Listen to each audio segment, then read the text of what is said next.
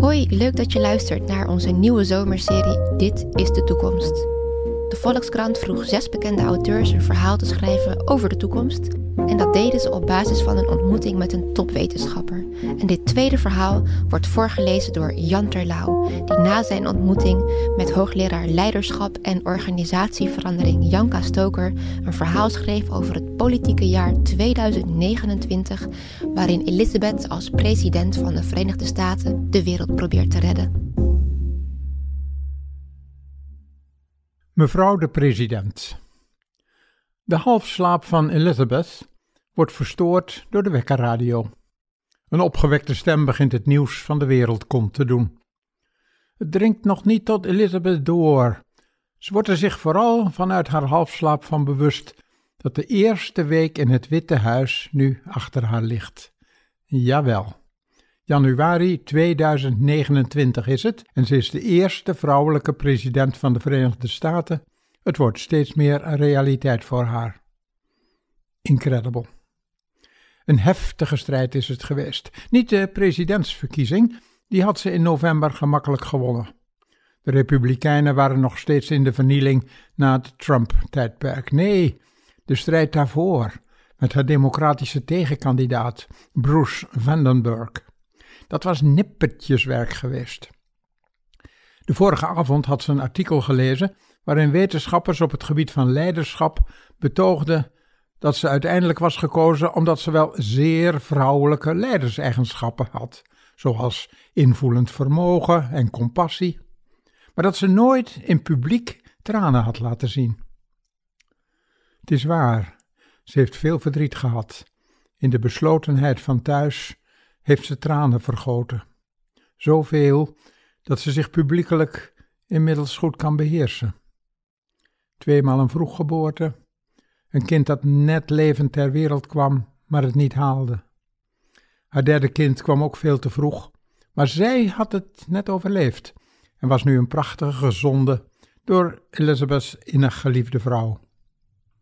En daarna heeft haar man prostaatkanker gekregen en is na een ellendige tijd in het ziekenhuis gestorven. Het heeft haar gemotiveerd om zich op het Amerikaanse peperdure, door marktkrachten gestuurde gezondheidssysteem te storten, wat zeker heeft geholpen in de verkiezingsstrijd. En haar tranen heeft ze publiekelijk leren beheersen. Mannen mochten wel publiekelijk een traantje wegpinken, volgens het artikel. Nou ja, kon allemaal wel zijn, weet zij veel. Ze heeft gewonnen en ze is de eerste vrouwelijke president van de Verenigde Staten. Ze wordt ineens klaar wakker door de nieuwslezer. Die meldt dat in China een vrouw niet alleen president is geworden, maar dat combineert met de functie van secretaris-generaal van de CPC, de Communistische Partij van China. En daarmee is ze nu de machtigste persoon van de Chinese Volksrepubliek. En wie is het? Wei Weilin, iemand die Elizabeth goed kent. Ze hebben 25 jaar geleden samen in Oxford, Engeland, gestudeerd. Voor het eerst een vrouw aan de macht in China. Vorige week gebeurde mij dat hier in de Verenigde Staten, denkt ze. In de Europese Unie is ook weer een vrouw gekozen als voorzitter van de commissie. Dat gebeurde voor het eerst in 2019. Nu is het de Duitse Helga Weisenbach, christendemocraat. Elisabeth kent ook haar vrij goed. Er schiet een voornemen door haar hoofd, een plan waarvan ze meteen zeker weet dat ze het gaat uitvoeren, hoe lastig het ook zal zijn. Energiek stapt ze uit haar bed. Als ze haar ontbijt van fruit en Franse kwark zit te eten, schuift als gewoonlijk haar chef staf aan. Je hebt het natuurlijk gehoord van Wei Weilin in China? vraagt Elizabeth. Ik wil haar graag vandaag even aan de telefoon hebben om haar te feliciteren. Maar eerst graag Helga Weisenbach. Wil je dat even regelen? Die ken je ook persoonlijk, is het niet? Het is de inleiding voor een rijtje vragen dat als doel heeft te weten te komen wat de president met haar Duitse collega wil bespreken. Weet Elizabeth. Maar dat gaat Peggy, de chefstaf, niet lukken. Ik wil haar de geboortedatum vragen van Adenauer, zegt Elizabeth. En dan weet Peggy wel hoe laat het is. Komt voor elkaar, zegt ze. De oorsprong van het plan dat in het hoofd van Elizabeth is opgesprongen toen ze het nieuws hoorde, ligt er juist in dat ze de nieuwe machthebster van China persoonlijk vrij goed kent. In Oxford hebben ze nogal wat tijd samen doorgebracht. Ze waren beide toen al zeer in politiek geïnteresseerd. Natuurlijk echt doorgronden kon ze de bijzonder intelligente Chinese vrouw niet, en ze weet ook niet precies hoe Wei Weilin tot het centrum van de macht in China heeft kunnen doordringen. Maar toch, het helpt in de politiek enorm als je elkaar persoonlijk kent. Er verandert zoveel en zo snel, denkt Elizabeth. Iedere tijd heeft zijn eigen problemen gekend: hongersnoden, epidemieën, wereldoorlogen. Langzaam, te langzaam dringt door dat ook deze tijd zijn volstrekt nieuwe en unieke probleem heeft. Het probleem van de exponentiële groei van de technologie, waardoor de natuur in een razend en onbeheersbaar tempo wordt aangetast. Honderd jaar geleden topde men met een vervuild meertje, nu zijn de oceanen dramatisch vervuild. Door het op steeds grotere schaal verbranden van kolen, olie en gas is het klimaatprobleem ontstaan. De temperatuur van de atmosfeer en van de oceanen stijgt verontrustend. Daar hebben alle landen van de wereld al in 2015 afspraken over gemaakt in Parijs. Volgend jaar, in 2030, zou de productie van CO2 wereldwijd al tot de helft, of minstens met 40%, moeten zijn teruggebracht. Maar dat is lang niet bereikt. En in 2025 is op een soortgelijke wereldwijde conferentie besloten dat de verontrustende teruggang van de biodiversiteit, de verscheidenheid van planten en dieren, moet stoppen. Maar hoe? Dat is nog zeer onduidelijk. Wel dringt door dat de mensheid grote schade gaat ondervinden van wat aan de gang is. Schaalvergroting op zoveel gebieden, denkt Elizabeth. Neem de digitale ontwikkelingen en de wereldhandel, allemaal op wereldschaal. Alleen de politiek blijft nationaal, die houdt het niet bij en verliest dus macht en invloed. Wie had kunnen voorspellen dat er in China nu een vrouw aan de macht is? Bel mevrouw Weizenbach bij, die zegt ze, bel mevrouw Weizenbach. Laten we de wereld overdonderen met besluitvaardigheid, zegt ze door de telefoon tegen haar twee machtige collega's. Laten we zo snel en zo vastbesloten dingen afspreken dat de media het niet bij kunnen houden.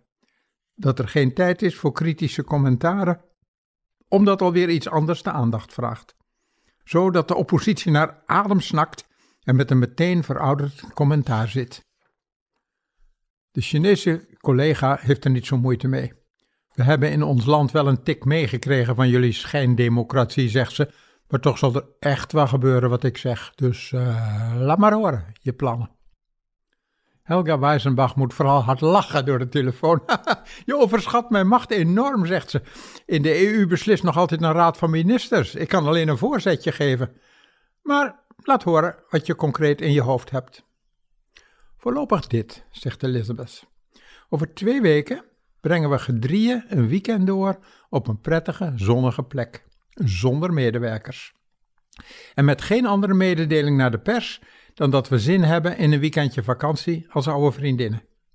Mijn medewerkers regelen wel een beveiligd hotel en verder krijgen ze niets te horen. Jullie ook niet trouwens, tot we daar zijn, tot we lekker hebben gegeten en in de zon zitten. De collega's uit China en de EU stemmen in, want vrouwen zijn, en Elizabeth weet niet meer of dat in het artikel stond, besluitvaardig. Uiteindelijk hebben ze alle drie toch twee medewerkers meegebracht, anders was het niet te doen. Maar die zitten in een andere vleugel van het hotel en zullen zich schaars houden. Er is de media wel verteld dat de ontmoeting plaats zal vinden, maar ze zijn erin geslaagd buiten de pers te houden waar de samenkomst is. Een huzarenstukje. Het is Hawaii geworden, zo voor de hand liggend dat geen journalist erop is gekomen. Ze omhelzen elkaar, eten samen, drinken enkele glazen wijn en besluiten pas de volgende ochtend over politieke aangelegenheden te praten. Elizabeth en Helga worden een beetje giechelig, alsof ze weer twintig zijn, waar wij wij niet aan meedoet, maar ze heeft genoeg Britse gein meegekregen om het te kunnen waarderen. De grappen zijn niet van de lucht. Elizabeth vertelt dat haar tegenkandidaat, partijgenoot, waarachtig een keer s'avonds laat in een redelijk beschonken toestand, na een debat, op haar kamerdeur klopte, wat hij de volgende ochtend ontkende. En Helga vertelt dat haar man boze brieven schrijft aan mannen die naar zijn mening te vrijpostig worden. Wijwijlin glimlacht en kijkt mysterieus. De volgende morgen wordt het menens. Het gaat om het volgende, zegt Elizabeth. De klimaatverandering gaat steeds sneller dan de gemiddelde verwachting. De twijfel of hij wordt veroorzaakt door het verbranden van kolen, olie en gas is nu wel tot nul gedaald. De oplossingen zijn nog steeds gerommel in de marge.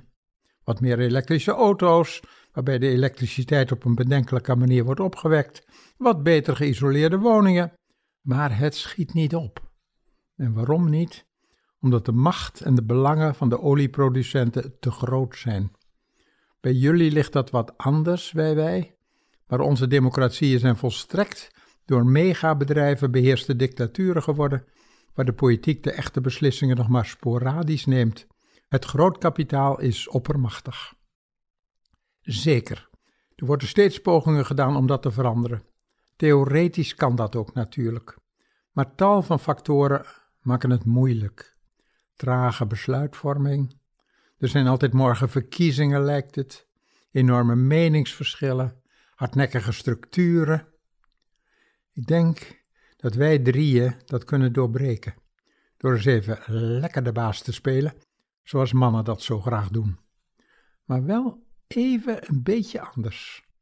Want wij hechten net iets minder aan behoud en uitbreiding van macht dan mannen. Ik weet het, sommige vrouwen met macht gaan op den duur sprekend op mannen lijken. Vanaf mijn beëdiging zeg ik daarom iedere avond voor de spiegel tegen mezelf: Ik ga de komende vier jaar niets doen, maar dan ook helemaal niets wat ertoe dient om straks herkozen te worden. En ik hoop dat vol te houden. Dus dan word je herkozen, zegt Helga. Kan best. Ladies, kijk. Die steenrijke baronnen weten donders goed dat de politiek uiteindelijk machtiger is dan zij, als de politiek dat wil. En ze weten ook heel goed dat we over moeten gaan op duurzame energie die er is in overvloed. Maar hoe moeten ze dat doen als de concurrent het niet doet? Als er geen gelijk speelveld is voor duurzame en fossiele energie. En dus? vraagt Helga. Ik heb eerst een vraag aan wij wij, zegt Elizabeth. Als wij in de westerse democratieën het gebruik van fossiele energie de komende tien jaar bijna tot nul reduceren, doet China dan mee? Ik moet dat met mijn deskundige overleggen, zegt wij wij, maar er liggen vergaande plannen. Wij komen om in de vervuilde lucht. We moeten af van de kolen, dat weten we al jaren. Maar ik kan absoluut niet beloven dat we overgaan naar wat jullie duurzaam noemen. Zeker, we gebruiken nu al veel meer zonne-energie dan jullie. Maar wij denken dat de toekomst toch vooral ligt in kernenergie. We zijn heel ver met thorium en dat ga ik niet stopzetten. Maar met de CO2-reductie zouden jullie wel meedoen? Wij, wij knikt. We presteren nu al beter dan jullie. Ik schenk jullie nog een kop koffie in en dan hoor ik graag je plan, Elizabeth, zegt Helga zakelijk en ze voegt de daad bij het woord. Nog net voor ze zondagavond thuis zijn, hebben de media ontdekt dat het Hawaii was, maar veel meer komen ze niet te weten. Want de enige mededeling die door de perschef van Elizabeth wordt gedaan, is dat de dames een ontspannen, gezellig weekend hebben gehad. Iets soortgelijks is de mededeling in Europa. Wel lekt uit dat er veertien dagen later weer een bijeenkomst zal zijn, opnieuw op Hawaii, maar nu met een tiental experts op het gebied van energievoorziening, waarbij wederom mevrouw Lin en twee Chinese geleerden. Ook laten de president en de commissievoorzitter nog weten dat ze de eerste reis op eigen kosten hebben gemaakt, maar de tweede bijeenkomst wordt rekeningrijk.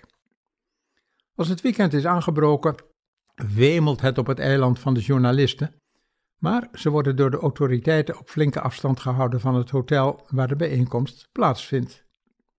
Elizabeth dankt de deskundigen dat ze zich op zo korte termijn vrij hebben weten te maken. We willen graag putten uit uw kennis, zegt ze. Bijvoorbeeld of er genoeg duurzame energie beschikbaar is om aan de behoefte aan energie van de mensheid te voorzien. Stel dat we in 10 of 15 jaar wereldwijd over willen gaan van fossiele energie op duurzame energie. Kan dat dan? Zijn er genoeg grondstoffen beschikbaar om de benodigde apparatuur te bouwen in dat tempo? Kortom, we willen ook deskundig worden in één weekend. En we zouden graag willen dat u bij thuiskomst geen mededelingen doet aan de pers. Een, levendige discussie gaat van start. De politici komen vooral te weten dat er weliswaar duurzame energie is in overvloed, maar dat die veel minder geconcentreerd is dan de energie in de energiedragers kolen, olie en gas. Er is veel meer oppervlakte nodig om die energie te winnen. Maar die oppervlakte is er wel, met name in tal van zonrijke woestijnen. De benodigde materialen, dat is een lastiger probleem. Maar als het moet, kan er veel. Denk maar aan de Tweede Wereldoorlog. Na Pearl Harbor ging Amerika over op een oorlogsindustrie die ook erg veel grondstoffen vereiste, maar het was in een paar jaar gepiept. Nee, het grootste probleem zien de geleerden in de noodzakelijke investeringen. Die zullen de begrotingen van de verschillende landen waarschijnlijk te boven gaan. Maakt u zich daar maar geen zorgen over, zegt Helga, de Europeaan. Dat is onze zorg. Van de geheimhouding komt natuurlijk weinig terecht. De journalisten kennen listen genoeg om de deskundigen na thuiskomst mededelingen te ontfutselen. En de dagen na het weekend verschijnen tal van beschouwingen, speculaties, commentaren op wat de drie politieke dames aan het doen zijn. Er verschijnen interviews met directies van grote bedrijven en met werkgeversorganisaties. Wat die vrouwen zich wel verbeelden. Daar komt het op neer. Dan wordt er een kort bericht in de Boston Globe gepubliceerd.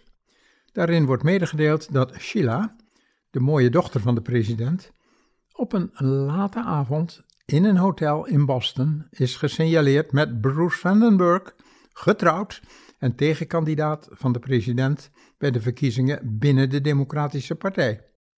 Van Bruce was al bekend dat hij een charmeur was, verdacht bij de oude MeToo-beweging. Het is een kort bericht, zonder speculaties. De Boston Globe is een fatsoenlijke krant. Maar andere media storten zich erop. En al gauw menen kranten te weten dat Sheila ook de volgende morgen in de buurt van het hotel is gesignaleerd. De berichten over de ontmoeting van de deskundigen met de politieke kopstukken worden grotendeels verdrongen. Twee dagen later bezoekt Sheila haar moeder in het Witte Huis. Ze omhelzen elkaar en dan zegt Elizabeth: Kind toch. Cadeautje, zegt Sheila grinnikend. Cadeautje? Ja, ik dacht ik zal de aandacht even afleiden. En jij weet beter dan wie ook hoe makkelijk Bruce te verleiden is. Maar heb je echt? Bruce heeft op vragen van de pers geantwoord dat hij jou niet kon bereiken en dat hij via mij aan je wilde laten weten dat hij achter je staat, wat je ook doet. Ik heb dat in een kort persbericht bevestigd. Ik weet niet wat je precies van plan bent, al heb ik wel een vermoeden. Maar als Bruce het je politiek moeilijk gaat maken, dan. Uh... Elizabeth kijkt haar dochter hoofdschuddend, maar liefdevol aan. Sheila, heb je echt. Mum, ik ben een volwassen en vrije vrouw. Zal ik je eens wat zeggen? Al ben je ook de president, het gaat je geen donder aan. Ze omhelzen elkaar opnieuw. De nieuwe Europese Commissievoorzitter heeft het moeilijker met de publiciteit dan haar Amerikaanse gesprekspartner. Er zal onrust zijn in de verschillende lidstaten. Dat is niet moeilijk te voorspellen. Ze geeft na thuiskomst onmiddellijk opdracht om telefoongesprekken met alle regeringsleiders te organiseren en ze besluit om meteen een bezoek te brengen aan de Franse president. De Fransen zijn erg gauw op hun tenen getrapt als ze denken dat Duitsland de baas gaat spelen. En al is ze dan in functie namens alle lidstaten, ze is en blijft een Duitse, dat poet je niet weg. De regeringsleiders zijn inderdaad blij dat ze belt, zodat ze in hun eigen kring kunnen zeggen dat er overleg is. Maar veel laat ze niet los. De belangrijkste mededeling is dat ze over twee weken volledige opening van zaken zal geven. Daarna maakt ze zich op om naar Parijs te gaan. Ga mee, zegt ze tegen haar man. Dan plakken we er een weekendje achteraan. Parijs is een mooie stad. Nu kan ik er nog redelijk anoniem door de straten lopen. Dat kon over een paar weken wel eens anders zijn. De derde bijeenkomst is weer twee weken later. Nu is hij op IJsland. De dames willen uiteindelijk het hoofd koel houden, zeggen cabaretiers. De speculaties zijn niet van de lucht. Uitgenodigd zijn acht grote energieproducenten, zeg maar oliebaronnen. Dat wordt officieel meegedeeld. Ze hebben zich alle acht meteen vrijgemaakt. Dat doe je als zulke belangrijke politici je uitnodigen. De media zijn ook weer in grote getalen aanwezig, maar weer worden ze verre gehouden van het hotel met vergaderruimte waar het gaat gebeuren. Alle gasten arriveren vrijdagavond, zaterdagmorgen is de eerste vergadering. Ze zitten in een kring in gemakkelijke stoelen, politici en industriëlen door elkaar, drinken eerst koffie en keuvelen over de zwavelsmaak die je in al het kraanwater van IJsland proeft.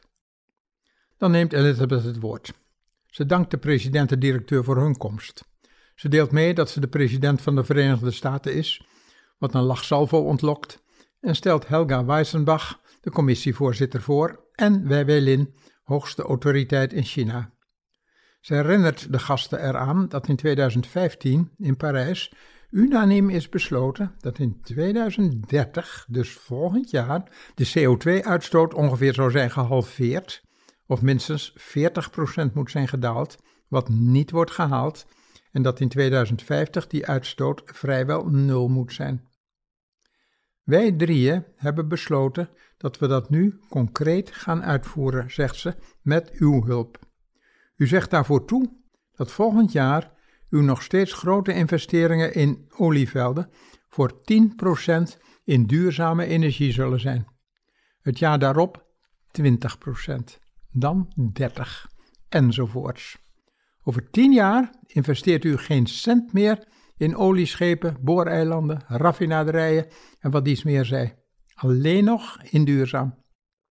Uw aandeelhouders zullen het minder leuk vinden, maar ach, dan zit het de rijkste der aarde maar eens even een beetje tegen.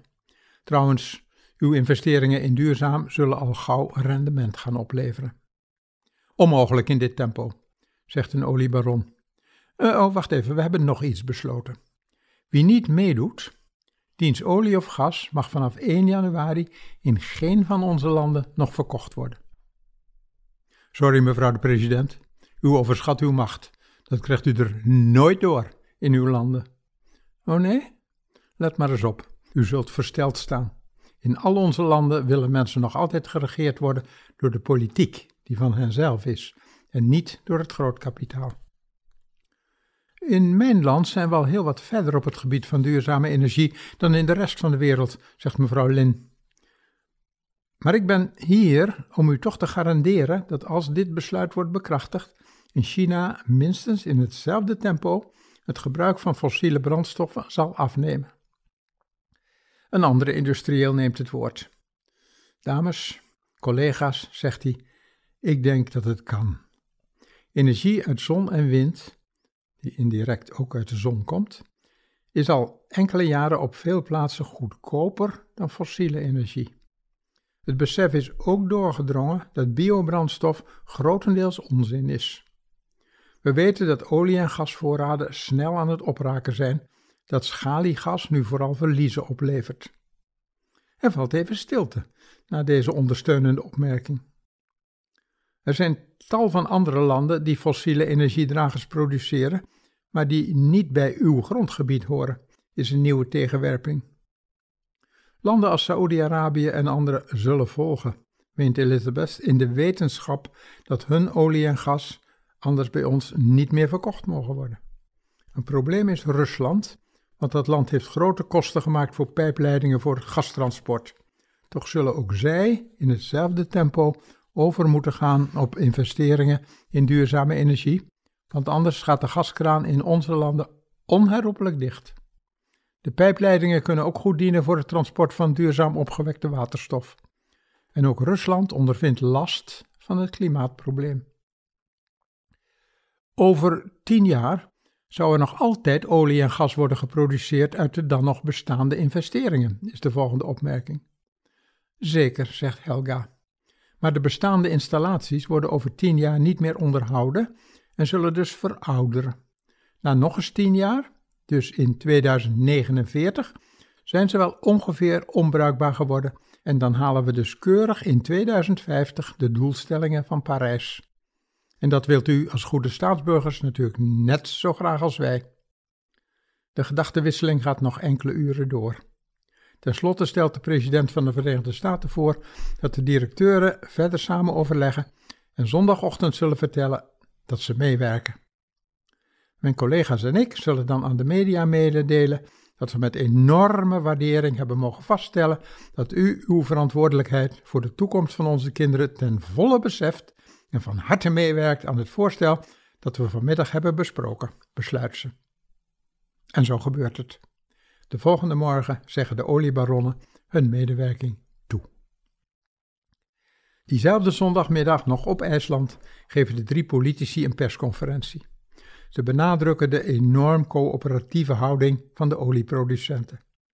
De vragen van de journalisten gaan vooral over de politieke weerstand die de dames in hun thuislanden zullen ondervinden.